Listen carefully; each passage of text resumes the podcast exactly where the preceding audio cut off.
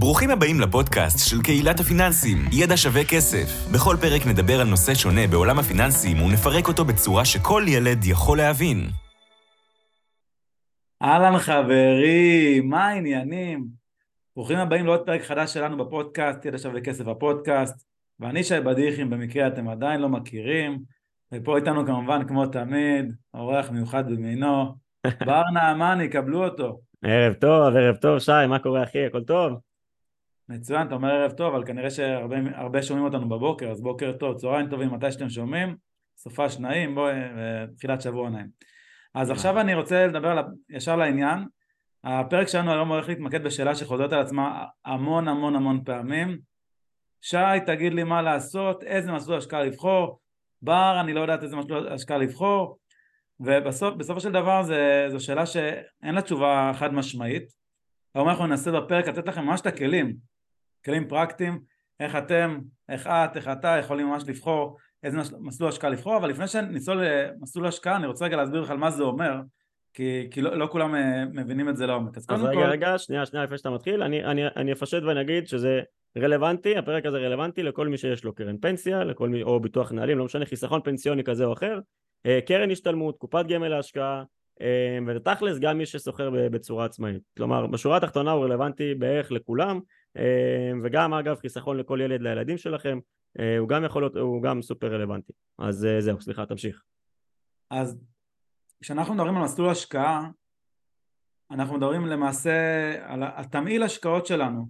כלומר, כמה אנחנו חשופים בתמהיל השקעות שלנו למניות, כמה אנחנו חשופים בתמהיל ההשקעות שלנו לאגרות חוב, שזה למעשה הלוואות, או למדינה, או לחברות, הלוואות קונצרניות, אג"ח קונצרני לעומת אג"ח ממשלתי. פרק 50 אם אני לא טועה, אג"ח מההתחלה זה נקרא, אתם יכולים ללכת ולשמוע יותר לעומק. ו... וכמובן שיש גם אה, עוד מוצרים אחרים, אה, פקדונות שנמצאים בתמהיל השקעות שלנו, וכן, כספית שלאחרונה פוקד אותנו יותר ויותר, אנחנו מקליטים את הפרק הזה בספטמבר 2023, אה, אז זה משהו מאוד רלוונטי בתקופה האחרונה, כי הריבית היא 4.75 אחוזים וגם כמובן מזומן, כלומר כסף שלא עושה כלום, גם זה חלק מתמיל ההשקעות שלנו אם נרצה ואם לא נרצה. ויש עוד כמה מוצרים אבל זה הדברים העיקריים. אז כשאנחנו בוחרים מסלול השקעה למעשה אנחנו בוחרים נקרא לזה את הסלייסים של הפיצה. איך אני מחלק את העוגה שלי או את הפיצה שלי לסלייסים של כל היחידות שאמרתי. עכשיו חשוב להבין שיש נקרא לזה מדרג מסוים שאנחנו עולים ככל שאנחנו מצפים לקבל תשואה יותר גבוהה אז אנחנו לוקחים יותר סיכון בדרך כלל. איך אנחנו יכולים לפתור את זה בדרך כלל? עם ידע, ידע שווה כסף, לא סתם אנחנו אומרים כל הזמן. אז זה ככה באופן כללי, מה, מה זה אומר מסלול השקעה ועל מה זה משפיע? זה משפיע על הסיכון שלנו מצד אחד ועל התשואה או ריבית שאנחנו נקבל בתמורה. אני, אני רוצה לחדד פה, אני רוצה לחדד פה ו- וככה לסכם, לא רק לסכם, לחדד ולהוסיף רגע על מה ששי אמר בשורה התחתונה, כמו ששי הסביר, ככל שהסיכון עולה, ככה גם התשואה אה, אמורה לעלות, אנחנו שואפים לקבל תשואה גבוהה יותר. אה, ובשוק ההון, אנחנו מדברים היום בעיקר על שוק ההון, אנחנו, אה, יש שני אסט קלאס מה שנקרא, שני סוגי נכסים עיקריים שעליהם אנחנו הולכים לדבר היום, מניות ואג"חים. ככל שבאופן כללי, ככלל אצבע, ככל שאנחנו במסלול עם יותר מניות, אנחנו כביכול במסלול יותר מסוכן. אתם לא רואים אותי עכשיו, אני עושה מסוכן עם גרשיים, כי uh, הסיכון הזה אנחנו תכף נדבר עליו שהוא לא בהכרח כזה גבוה, הוא לא תמיד זה, וזה אגב אחד המכשולים. אבל השורה התחתונה, ככל שיותר מניות, יותר מסוכן ואנחנו uh, מצפים לתשואה גבוהה יותר, ומצד שני, ככל שאנחנו הולכים למסלול יותר סולידי, כלומר פחות מסוכן, אנחנו גם מצפים לתשואה נמוכה יותר, אבל הרעיון שיש בו יותר אג"ח. אני אומר שוב, יותר מניות, יותר מסוכן שווה יותר מניות, אה, יותר סולידי, יותר, אה, אה, פחות מסוכן מה שנקרא, זה יותר אג"ח, זה באופן כללי, שתכירו ומי שלא מכיר עד הסוף ולא מבין את עולם האג"חים, כמו ששי אמר, פרק 50 בפודקאסט, הסברנו שם קצת יותר לעומק. כמובן מי שרוצה עוד יותר בהרחבה מפודקאסט, יש לנו גם את הקורס שלנו, שוק ההון שווה כסף, get started, אז יכולים לחפש את זה גם באתר שלנו. אז בואו נחזור רגע לעניין של המסלול. אוקיי, אז דיבר, דיברנו ש... המסלול זה בעצם איך אני מרכיב את העוגה שלי מאיזה רכיבים אבל נגיד משהו עוד יותר חשוב ופה תקשיבו טוב טוב כל מי שמאזין או מאזינה לנו עכשיו המסלול יותר חשוב מדמי הניהול. אני אחזור על זה עוד פעם. המסלול יותר חשוב מדמי הניהול. למה אני מתכוון? הרבה פעמים אנחנו רבים עם החברות, עם בתי ההשקעות, עם חברות הביטוח על פיפס בדמי ניהול, על 0.1 אחוז, על 0.02 אחוזים, אנחנו רבים על, ממש על הדברים האלה, אבל מצד שני אנחנו מאוד מאוד סולידיים בהשקעות שלנו, בתמהיל השקעות, וכאשר אנחנו משנים מסלול, אנחנו מזיזים את המחט לא בשברירי אחוזים אלא באחוזים שלמים, ולצורך העניין, בואו ניקח דוגמה הכי פשוטה, וככה אנחנו נתחיל עם דוגמה ואז אנחנו נוכל לדעת את זה יותר לעומק, אדם שנמצא נניח בגיל 30 לחייו ונמצא במסלול ברירת מחדל בקרן הפנסיה. מסלול ברירת מחדל בקרן הפנסיה זה בעצם בני 50 ומטה. זאת אומרת, יש לו קרן פנסיה, בדרך כלל קרן פנסיה מקיפה, אוקיי? אה, שלצורך העניין כ-27% מהכסף, אוקיי? אתם יכולים לבדוק את זה ממש באתרים של החברות, בכלל לא מושקע במסלול, אוקיי? מושקע לצורך העניין אה, באג"ח מיועדות, זה משהו שכרגע הולך להשתנות אבל זה עדיין ככה אה, אם תיכנסו ממש לתמהיל ההשקעות שמפורסם אז 27% מהכסף בכלל זה לא המסלול שאנחנו בוחרים. אז מי שגם בוחר להיות 100% מניות הוא למעשה לא 100% מניות. אנחנו מדברים על הפנסיה כמובן. כן על כן הפנסיה כמובן כן פנסיה מקיפה ספציפית אני חוזר עוד פעם. אז גם מי שבוחר 100% מניות הוא לא 100% מניות. הוא יכול להשפיע אוקיי רק על 73% בואו ניקח דוגמה. נניח יש לי כן פנסיה מקיפה עם 100,000 שקלים הכי פשוט. אז 27 אלף שקלים אני מקבל תשואה מובטחת מהמדינה 4.86 אחוזים כמו שאמרתי יש איזו רגולציה עכשיו, ראשונות, לא ניכנס לזה כרגע לעומק עכשיו זה משתנה רק ל-5.15 במנגנון קצת שונה של הבטחת נכון. תשואה אבל לא משנה כרגע רק שנדייק לא, לא, לא, לא מעניין כרגע מה שמעניין ששאר הכסף אנחנו יכולים לשלוט עליו ולצורך העניין אותו, אותו חוסך צעיר חוסכת צעירה בגיל 30 אם יהיו במסלול אה, סולידי מדי, כלומר עם פחות מדי מניות, אז יכול להיות שהם יתווכחו על הדמי ניהול והשיגו אחת דמי ניהול, אתם יודעים מה? אפילו אפס דמי ניהול. אבל, אבל ההבדל בין מסלול לצורך העניין, אה, בני חמישים ומטה, אה, למסלול של מניות, יכול להיות הבדל אה, לפעמים של אה, שניים, שלושה ולפעמים אפילו ארבעה אחוזים בתשואה לשנה לאורך זמן. והדבר הזה יכול להסתכם לאותו חוסך צעיר במאות אלפי שקלים ואפילו לפעמים מיליוני שקלים, תלוי בכל מיני פרמטרים. אז, אז בהקשר הזה אתם צריכים להבין שהדבר הזה הרבה יותר משמעותי מדמי הניהול. זה קודם כל, זה נכון בכל, בכל המוצרים. כלומר, אם אנחנו משפיעים על התשואה שלנו, שהתשואה שלנו בעצם מורכבת מהתשואה שאנחנו עושים, פחות הדמי ניהול שאנחנו משלמים, זה התשואה הריאלית, זה התכלס בכיס כמה שאנחנו עושים, אז אנחנו יכולים או להגדיל את התשואה מצד אחד שזה המסלול, או להקטין את הדמי ניהול, שזה בעצם העלויות שלנו, ההוצאות, ובקיצור בואו נעשה גם וגם, בואו גם נדאג למסלול וגם לדמי ניהול, אבל דמי ניהול אנחנו לא הולכים לדבר בפרק הזה, אנחנו הולכים להתמקד בעיקר במסלול. עכשיו הנושא הזה שי הוא סופר חשוב, כי זה אומר שאפשר לקבל החלטה נכונה, פעם, פעם אחת בחיים, החלטה אחת נכונה, בפנסיה, בקרנות השתלמות או לא משנה מה, אפילו בחיסכון לכל ילד של ילדים, וזה משפיע לאורך כל החיים, החלטה אחת נכונה שווה מאות אלפי שקלים, אוקיי? מאות אלפי שקלים וזה מטורף, כלומר אם אתם חושבים עזוב אותי וזה אין לי כוח, יש לי כוח להתעסק עם זה, פעם אחת קיבלתם החלטה, יכול להיות שבשביל לקבל את ההחלטה הזאת קראתם והאזנתם לפודקאסט הזה פעמיים או שלוש וקראתם כתבה באתר שלנו ושאלתם אפילו בקבוצה, אבל once קיבלתם את ההחלטה והבנתם שההחלטה הנכונה עבורכם, כנראה שהרווחתם מאות אלפי שקלים אפילו מיליונים תלוי בני כמה אתם ובאיזה סכומים וכנראה שאם עשיתם את זה ודאגתם גם לבן בת זוג ולילדים או אולי גם להורים אז אתם עשיתם הרבה הרבה מאוד כסף לתא המשפחתי שלכם אבל באותה נשימה חשוב לי להגיד חברים במיוחד עכשיו אה, בחלק הזה של הפודקאסט אנחנו אה, מה שנראה כל מה שאנחנו הולכים להגיד עכשיו וכל מה שאמרנו עד עכשיו ואנחנו הולכים להגיד במהלך הפרק לא מהווה ייעוץ אה, השקעות ולא תחליף לייעוץ ולא המלצה ולי ולשי אין תעודה של ייעוץ השקעות ואין לנו גם תעודה של אה, אה, רישיון פנסיוני, תעודה פנסיונית אז חשוב לקחת את הדברים, אנחנו באים ללמד ובאים אה, ככה אה, זה ויכול להיות ש... קיצור לא לפרש את זה כהמלצה זה השורה התחתונה מבחינתנו כדי שככה נוכל להמשיך. מעולה אז בוא ניתן ככה כמה, כמה כללי אצבע איך, איך לבחור את המסלול המתאים אז הכלל אצבע הראשון זה טווח ההשקעה ככל שאתם אה, הולכים להשקיע לטווח זמן ארוך יותר אתם יכולים לקחת סיכון גדול יותר. סיכון גדול יותר מתבטא בתנודתיות גבוהה יותר, כלומר שהתיק יכול לעלות הרבה ויכול לרדת הרבה בזמן קצר, אוקיי? זאת אומרת שאנחנו אה, יכולים לקחת אה, סיכון גבוה יותר, תנודתיות גבוהה יותר, זה אומר יותר מניות. הדוגמה הכי פשוטה שאפשר לראות זה בעצם פנסיה.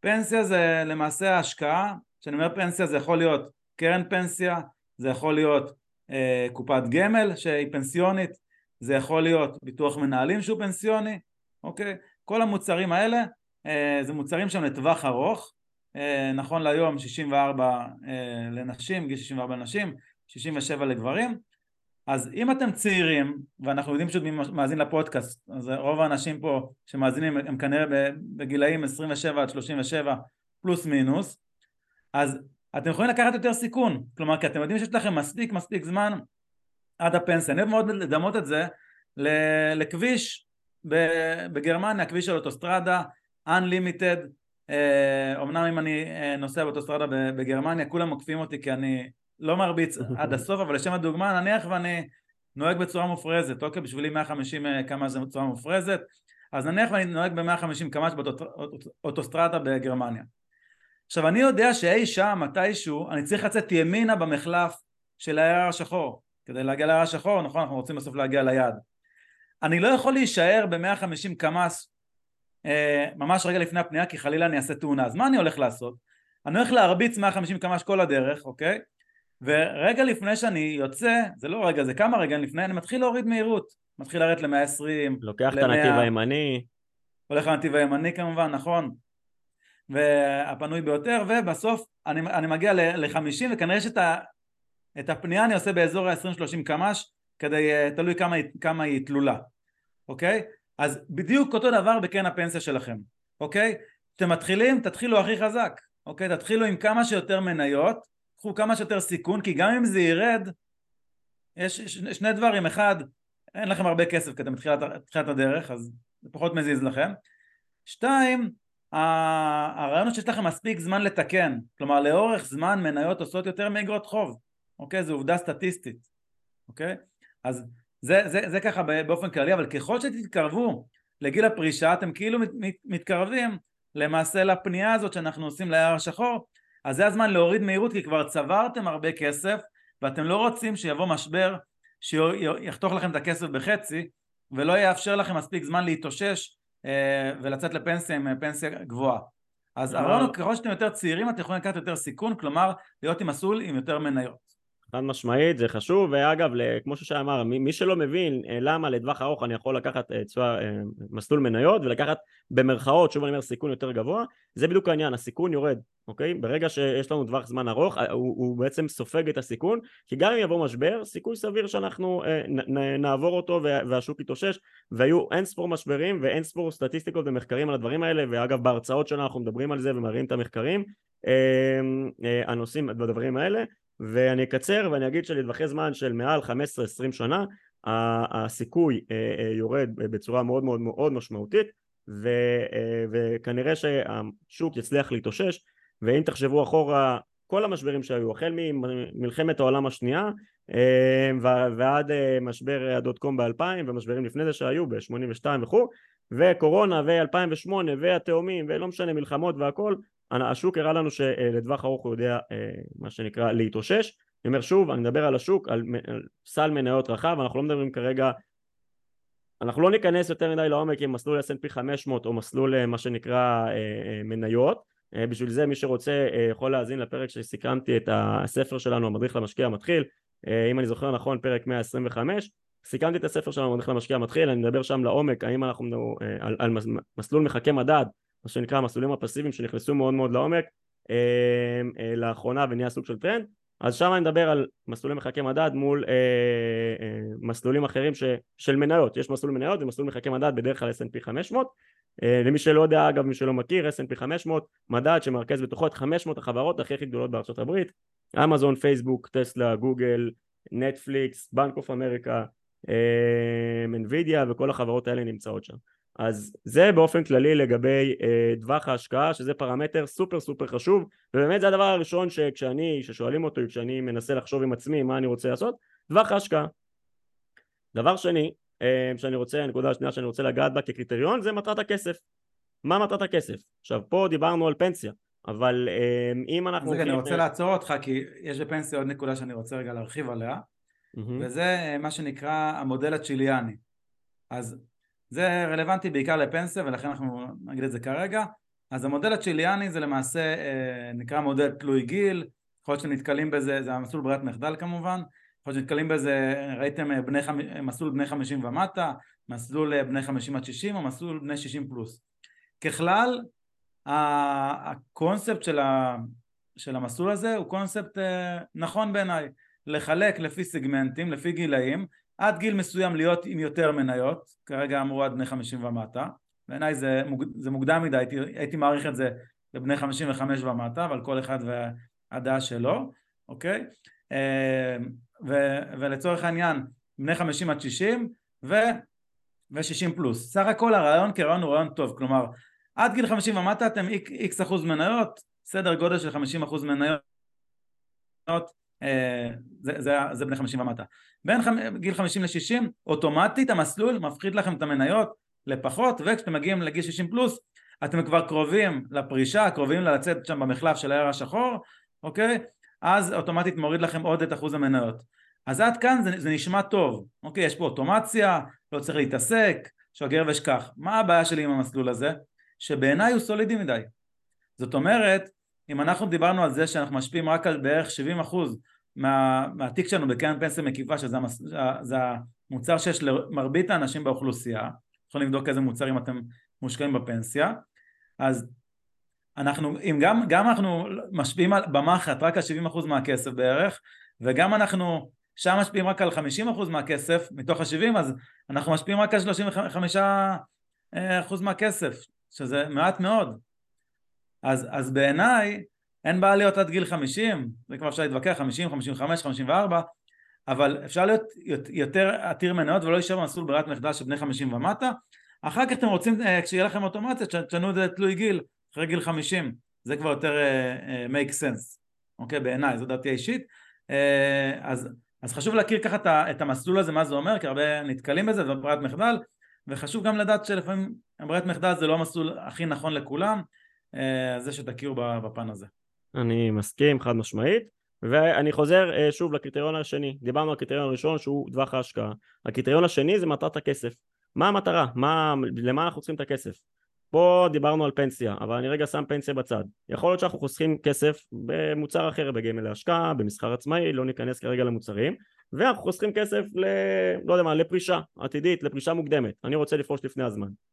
עד כמה אנחנו מוכנים לסכן את הכסף. אם זו המטרה, סבבה, אבל, ו- וזה בסדר. עכשיו, האם אני מוכן לקחת סיכון גבוה על הכסף בשביל לנסות לפרוש מוקדם יותר, אבל אני גם מצד שני יודע שאם אני אחווה איזושהי ירידה או משהו כזה, יכול להיות שזה ייקח קצת יותר זמן, שזה בסדר. זה, זה, זה, זה בסוף אינדיבידואלי וכל אחד אה, אה, צריך להבין האם הוא מוכן, מה המטרה של הכסף והאם הוא מוכן לקחת סיכון גבוה או נמוך אה, על הכסף. אני אתן דוגמה הפוכה, אוקיי? אם זה דוגמה, אני חוסך כסף לדירה ואני יודע שעוד נניח חמש שנים אני רוצה לקנות את הדירה ויש דדליין, זה, זה התאריך הזה, אני לא רוצה לחרוג ממנו, אוקיי? כלומר, אני יודע שאני אצטרך את הכסף ברמת ודאות גבוהה. יכול להיות שכבר חתמתי על, על חוזה ואני צריך להביא את הכסף עוד ארבע שנים לצורך העניין. בסיטואציה כזאת כנראה שאני לא רוצה לסכן את הכסף בצורה משמעותית ובסיטואציה כזאת יכול להיות שאני בכלל לא אשקיע אותו בשוק ההון יכול להיות אפשר להשקיע במסלול אג"חים שזה אופציה מסוימת ויכול להיות שאני בכלל ארצה לרדת עוד יותר בסיכון ואשקיע ואקח את הכסף ואשים אותו בפיקדון או קרן כספית.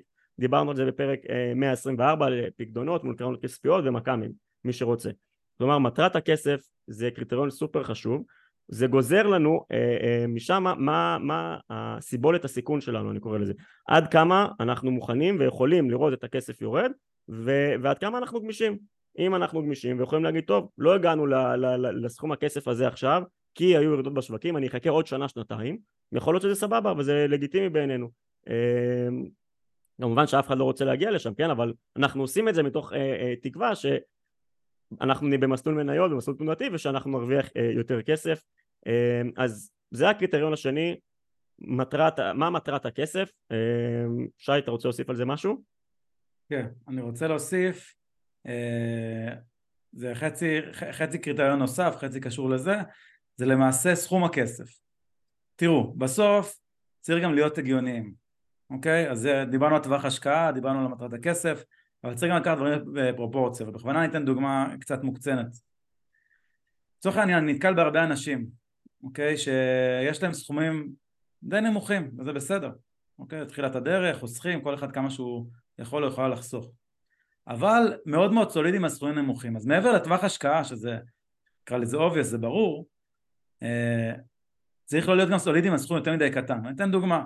לצורך העניין, אם יש לכם 5,000 שקלים באיזושהי קופה, נניח בגמל ההשקעה, לא משנה כרגע השם של הקופה. ואפילו אתם לא עכשיו לטווח ארוך, עשר שנים ומעלה, שזה נחשב נגיד טווח, מתחיל לטווח ארוך, אוקיי?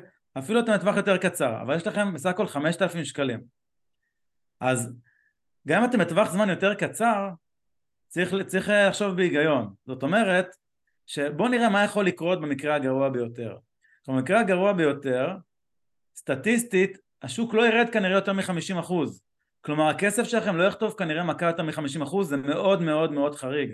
אפילו בקורונה, במרץ 2020, סוף העולם, פאניקה בשווקים, מה שהלך בקבוצה בידע שווה כסף זה טירוף עולם, אוקיי? זה... לא, לא יודע אם היה טירוף כזה אי פעם כמו שהיה במרץ 2020, שהיינו הרבה יותר קטנים מהיום, פחות מ-200 אלף איש, אז בשורה התחתונה השוק ירד ב-30 אחוז, סדר גודל, פלוס מינוס בקורונה. כשאתה אומר אני... השוק, אנחנו לרוב מתכוונים למדד ה-S&P 500. אני, אני רק אה, זה, כי אנחנו הולכים להגיד את זה הרבה פעמים במהלך הפרק, אני רק עושה סינכרון.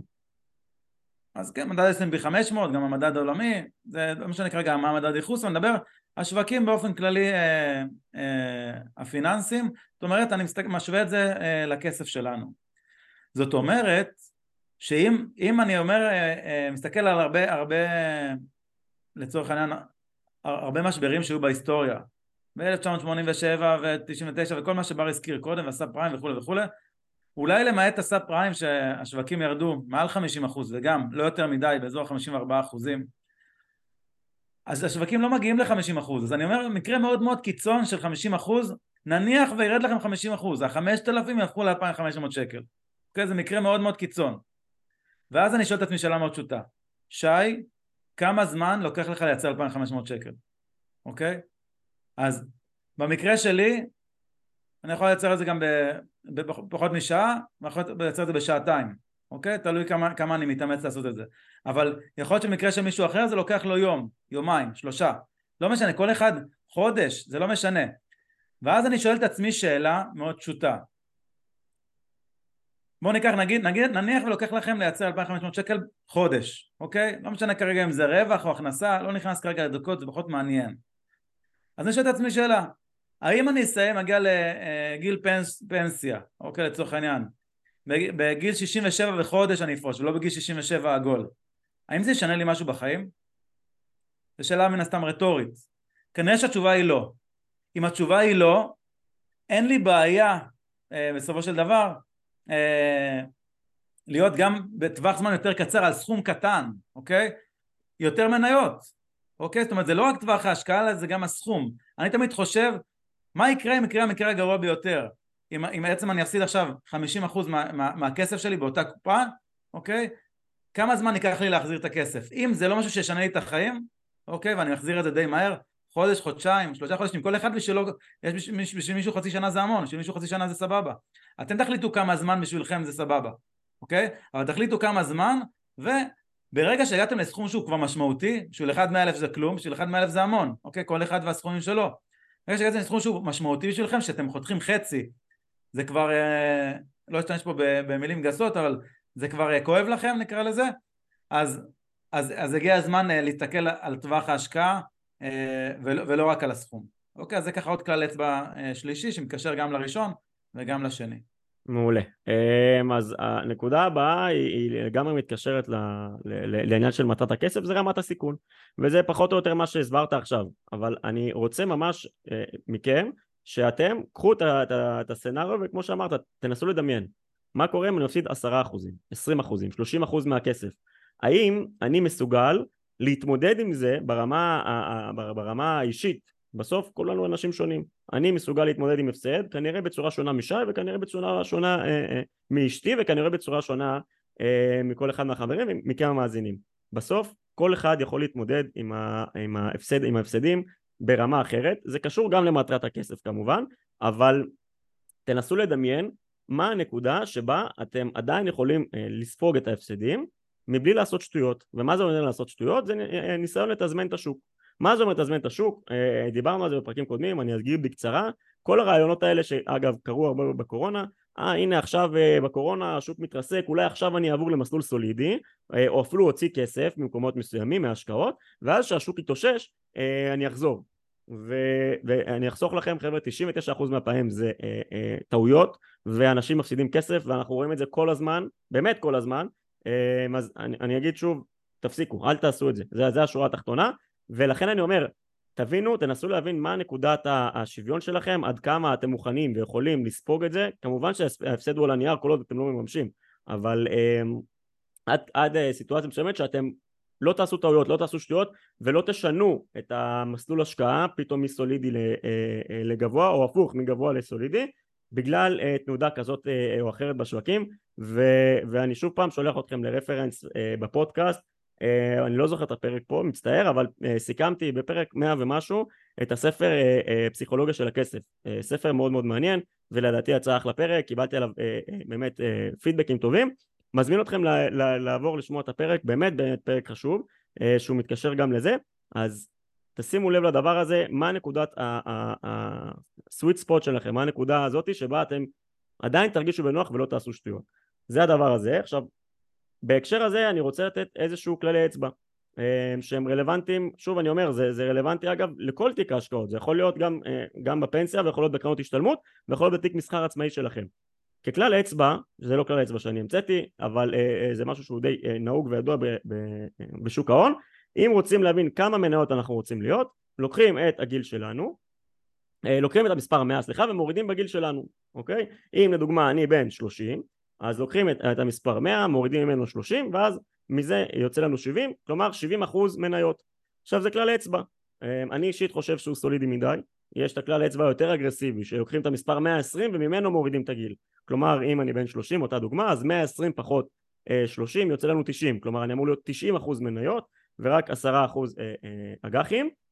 אני קצת יותר מתחבר לזה אבל בסוף בסוף אני אומר זה הכל תלוי מטרה ותלוי כסף. ברמה האישית אני יש לי סוג של דליים במרכאות יש לי כסף שאני יודע שהוא מיועד לדירה אז אני לוקח סיכון בהתאם בהתאם לטווח ההשקעה ובהתאם לזה שאני לא יכול לקחת סיכון כי אני חתמתי שם אה, על חוזה אה, לדירה ואני לא יכול לקחת סיכון גבוה על הכסף הזה.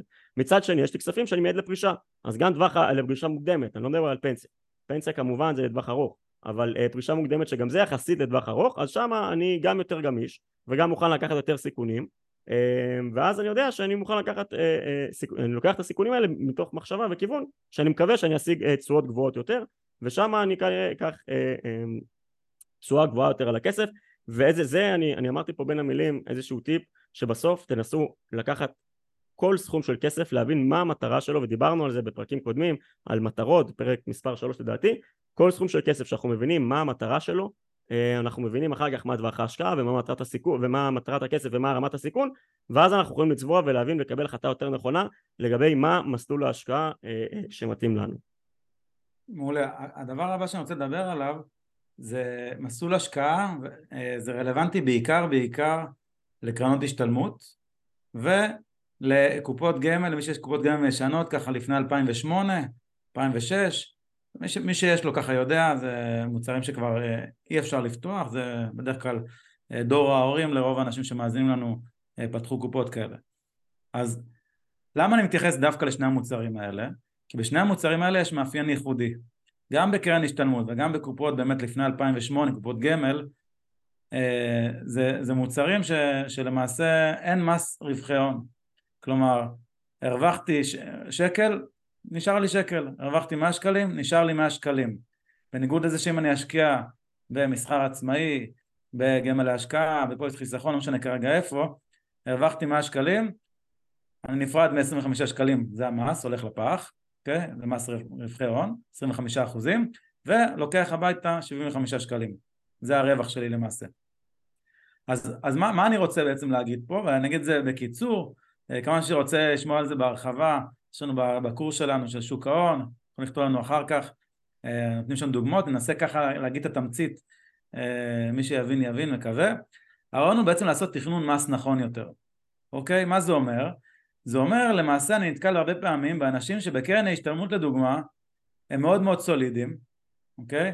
ויש להם קופת גמל להשקעה או מסחר עצמאי ששם הם מאוד מאוד אגרסיביים וזה מה שנקרא הפוך מההיגיון, שאומר סולידי הכוונה יותר אג"חים פחות מניות, כשאני אומר אגרסיבי הכוונה יותר מניות פחות אג"ח, אוקיי?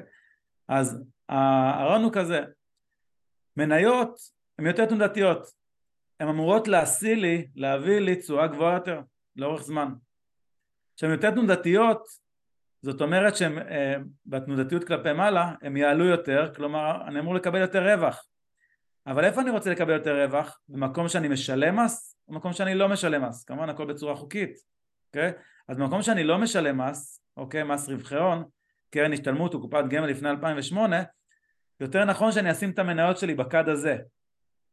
ואם אני רוצה להיות סולידי, אין בעיה, אז אני אהיה דווקא בכסף הבנוי, בגמל להשקעה, במסחר עצמאי, פוליס חיסכון, ניהול תיקים לא משנה, ווטאבר, איפה שאתם משקיעים את הכסף שלכם. אז, אז הרעיון הוא בעצם אה, להסתכל על, על כל הכסף שלכם כתיק השקעות אחד גדול, ולעשות תכנון מס נכון. אם אני רוצה להיות אחוז מסוים של מניות, אני, אני אחליט כמה מניות יהיו לי בתיק, בסך הכל כל התיק, אבל אני קודם כל אמלא את הכד של הקרן השתלמות, וככה בעצם אני אוכל להגדיל את הנטו בלי לקחת יותר סיכון, אוקיי? אה, זה ככה רעיון ממש בשתי מילים, מקווה שזה ברור. בכל מקרה, כמו שאמרתי, אתם יכולים גם לפנות אלינו אחר כך ונשמח להסביר יותר לעומק עם דוגמאות, יותר ברור ככה שרואים את זה בדוגמאות מספריות. זה טיפ לגמרי חשוב, ששווה אגב לא מעט כסף. תכנון מס, כמובן חוקי, בצורה נכונה. הנקודה האחרונה, לפחות מבחינתי בפרק הזה, אה, שצריך להבין, זה האם אנחנו מפקידים כסף כל חודש.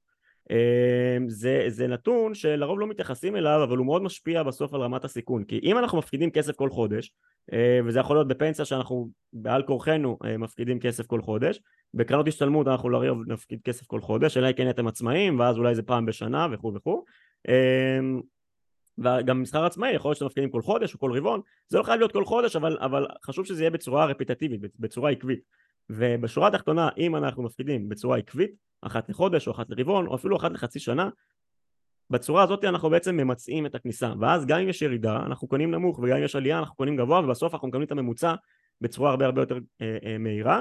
הממוצע אני מזכיר למי שלא מכיר של אה, מדד ה-S&P 500 ספציפית הוא בין 8 ל-10 אחוזים בשנה. ממוצע לטווח ארוך התוחלת סך הכל. אה, כמובן שאם אנחנו הולכים על מדדי מניות אה, אז ישראלים אז הממוצעים טיפה משתנים אבל פחות או יותר זה מה שאנחנו יכולים לשאוף עליו. נגיד נהיה קצת יותר שמרניים 7-8 אחוזים בשנה למסלול שהוא רק מניות. לטווח ארוך אני מזכיר אה, טווח ארוך זה לפחות 10-15 שנה אה, קדימה. שורה תחתונה אם אנחנו ממצעים את הכניסה שלנו כל הזמן אנחנו מפחיתים סיכון בצורה משמעותית ומי שלא מכיר ולא יודע על מה אני מדבר אז יכול לקרוא באינטרנט DCA, Dollar Cost Average ובשיטה בפרק 122 סליחה, בפרק 102 דיברתי גם על שיטת המיציו וגם על שיטה אה, מגניבה אחרת אה, שנקראת value averaging אה, שהיא פחות מוכרת פה בישראל, מזמין אתכם אה, אה, לשמוע ולהאזין לפרק 102 שם הרחבתי על השיטות האלה, מה היתרון ומה החיסרון של כל אחת מהגישות. יש, כמו שאמרתי, מכשירים כמו קרן השתלמות בפנסיה שאין לנו ברירה אלא לעשות את זה, אבל במכשירים אחרים שיש לנו יותר שליטה, כמו גמל להשקעה, כמו מסחר אה, עצמאי, אז יש לנו שליטה ויש לנו אה, יכולת לשחק עם השיטות האלה אה, אז זה, זה גם עוד איזשהו אלמנט שיכול להפחית סיכון בצורה משמעותית וגם להשפיע בסופו של דבר אה, על, על מסלול או על תמהיל האג"חים ותמהיל המניות שאנחנו רוצים לקנות. מעולה. אז נראה לי שאת רוב הדברים העיקריים אם, אם לקחתם ככה מהפרק ותיישמו כשאתם מקבלים החלטה אז תוכלו למצוא באמת את המסלול שהוא הכי מתאים לכם שגם יהיה מתאים לסיכון שבאמת אה, נכון לכם וגם אה, ישיא לכם את התשואה אה, כנראה הכי טובה לסטטוס שלכם. אז בואו ננסה ככה לעטוב ולסכם את הדברים העיקריים. אז אחד, דיברנו על טווח השקעה, זה הכי חשוב, אוקיי? ככל שאתם יותר, יותר שנים, אוקיי, מבחינתי עשר שנים ומעלה, אפשר להיות, אוקיי, אפילו הייתי אומר כמעט מאה אחוז מניות, זה כבר גם תלוי בכמה האופי שלכם אה, מתאים לסיכון, אפשר למלא שאלון סיכון. אגב, אה, אה, אם אתם צריכים עזרה גם באמת בעניין הזה של שאלון סיכון, יש לנו גם יועץ השקעות עם רישיון, כמובן הכל מסודר. זאת אומרת, אם יש לכם סכומים קטנים והבנקים לא נותנים לכם מענה, כי בדרך כלל נותנים מענה רק בסכומים יותר גדולים, אז באלה שווה כסף יש, יש שירות עם יועץ השקעות שעוזר לכם באמת בכל החלטה. יכולים לפנות אלינו פשוט ונעזור לכם, זה בפן הזה. אז אז כמו שאמרתי, הטווח השקעה הוא מאוד מאוד משפיע. אה, מבחינתי עשר שנים ומעלה, לגישתי האישית, אני שם 100% מניות, זה אני בתור שי, אתם תבחרו כמה מבחינתכם אתם מוכנים לשים בעשר שנים ומעלה. ושוב אני מדגיש לא המלצה ולא זה... ייעוץ וכו' וכו'. זה לא ייעוץ, יש כאלה שאומרים שבע שנים ומעלה, אני, כלל אצבע שלי זה עשר, כל אחד והכלל אצבע שלו. כמובן כל מקרה לגופו, אבל זה ככה ככלל אצבע. מעבר לזה דיברנו על העניין, עכשיו אני שם לכל כלל יוצא מן הכלל, אמרתי שבטווח השקעה, גם אם הוא יותר קצר והסכום מאוד נמוך, ועכשיו אני אקצין בכוונה, אתן דוגמה אחרת שלא אמרתי קודם, לצורך העניין הייתי אומר לכם להשקיע בביטקוין, אוקיי? אבל שקל, הייתם מוכנים לש... לסכן שקל? כנראה שכן, כי כמה זמן לוקח לי לייצר שקל? לאחד לוקח דקה, לאחד לוקח שעה, לאחד לוקח יום, לאחד לוקח אה, כנראה פחות מחודש, אוקיי? אבל בסוף זה זמן מאוד מאוד קצר, אתם לא, כנראה שאתם יושבים במסעדה, לא אה, אה, אה, סופרים עכשיו אם אתם שמים עוד שקל טיפ או פחות שקל טיפ, יכול להיות שאתם כאלה, אבל, זה, אבל זה, לא, זה לא העניין, אוקיי, תפרגנו, נתנו לכם שירות, תפרגנו, אבל בשורה התחתונה, אה, כל אחד, השקל במרכאות בשבילו זה סכום אחר, לאחד זה 100 שקלים, לאחד זה 5,000, לאחד זה 10,000, אה, לאחד זה 50,000, אז זה כל אחד והסכומים שלו, סכום שהוא קטן מבחינתכם, שאמרנו חותכים אותו בחצי, אפשר להיות בו גם יותר סיכון, כל אחד יבחר כמה סיכון לשים. אז זה ככה הכלל, הכלל השני שדיברנו עליו. הכלל השלישי שבר הזכיר קודם זה העניין של מטרות. אתם צריכים להבין מה, מה המטרה של הכסף בסופו של דבר, אם יש מטרה שהיא strict, כמו שבר ציין, אני חייב לקנות דירה תוך איקס שנים, אני לא ארצה לסכן את הכסף כי יכול להיות שאני אאבד את הדירה, אני אאבד את האופציה לקנות דירה ולא לא אכנס לרכבת הנדל"ן, עשינו המון המון פרקים על נדל"ן, יכולים ככה להאזין אחורה ולהבין אה, יותר לעומק, אז, אז אם המטרה היא מאוד strict כמו לקנות דירה, כמו בר מצווה לילד, אוקיי? יש לכם ילדים, אם יש לכם ילדים אתם צריכים את הכסף בר מצווה לילד, אתם לא תגידו לו, שמע חמודי אה, אה, והכסף קצת אה, ירד אז אה, אנחנו לא, לא, לא ניסע השנה ליורו דיסני או, או לא נעשה מסיבה עם החברים והחברות. אז אל, אל תשקיעו כסף שאתם לא רוצים לאבד בסיכון שאתם לא רוצים לסכן אוקיי? זה ככה הכלל הראשון של וורן באפט זה never lose money הכלל השני זה don't forget rule number one אז אל, אל תשקיעו כסף שאתם לא רוצים לאבד זה מאוד מאוד חשוב. זה ככה בעניין של הטווח השקעה. אה, עוד דבר שבר הזכיר שהוא מאוד מאוד חשוב זה אה, DCA, dollar cost averaging, למעשה להיכנס במנות קטנות לשוק, אוקיי, אם אנחנו נכנסים במנות קטנות לשוק, אז אנחנו נכנסים גם בעליות וגם בירידות, כל עוד יש לכם סכום שהוא קטן, אז הדבר, הדבר הזה אה, יכול לשמור על, ה, על הכסף שלכם במידה מסוימת, מן הסתם שיש לכם כבר סכום מאוד גדול, אתן סתם דוגמה מספרית, נניח יש לכם מיליון שקל ואתם נכנסים בהוראת קבע של 200 שקל לחודש, אז ה-200 שקל לחודש לא מזיז את המחט לעומת המיליון, אוקיי? אז זה צריך הכל להיות בפרופורציה, אה, ואם יש לכם אה, מיליון שקל ואתם מכניסים כל חודש, ניתן דוגמה קיצונית, כנראה שאין הרבה אנשים שיש להם את הדבר הזה, ומכניסים כל חודש 100 אלף שקל לשוק, אוקיי? אז 10% מהתיק שלכם זה כן יכול להשפיע. אז בסוף כל אחד יבחר את המספרים שלו או שלה, אבל אה, השיטה הזאת של להיכנס כל חודש היא מגנה עליי כל עוד הסכום של הכניסה כל חודש הוא פרופורציונלי, לה, הוא לא בטל בשישים לעומת הסכום הגדול שכבר מושקע לכם. אה, כמובן, וכמו שאמרתי, אגב, אמרתי לכל זה, יש לנו שיטת המיצוע גם אצלנו באתר, אז, אה, אז בזה אנחנו מסיימים חברים, ואני מקווה שנהניתם מהפרק, ואם כן, אז אה, אני מניח שהגעתם לפה, אז אני מניח שאהבתם. אל תשכחו לדרג אותנו בספוטיפיי או אבל פודקאסט ולהפיץ לחברים, להמשיך לעקוב בכל שאר הפלטפורמות שלנו אה, שאתם כבר מכירים, אה, בין אם זה אה, יוטיוב ואינסטגרם והטיק טוק והפייסבוק ואתר אינטרנט. תמשיכו להגיע להרצאות ואנחנו נתראה בפרקים הבאים. ביי.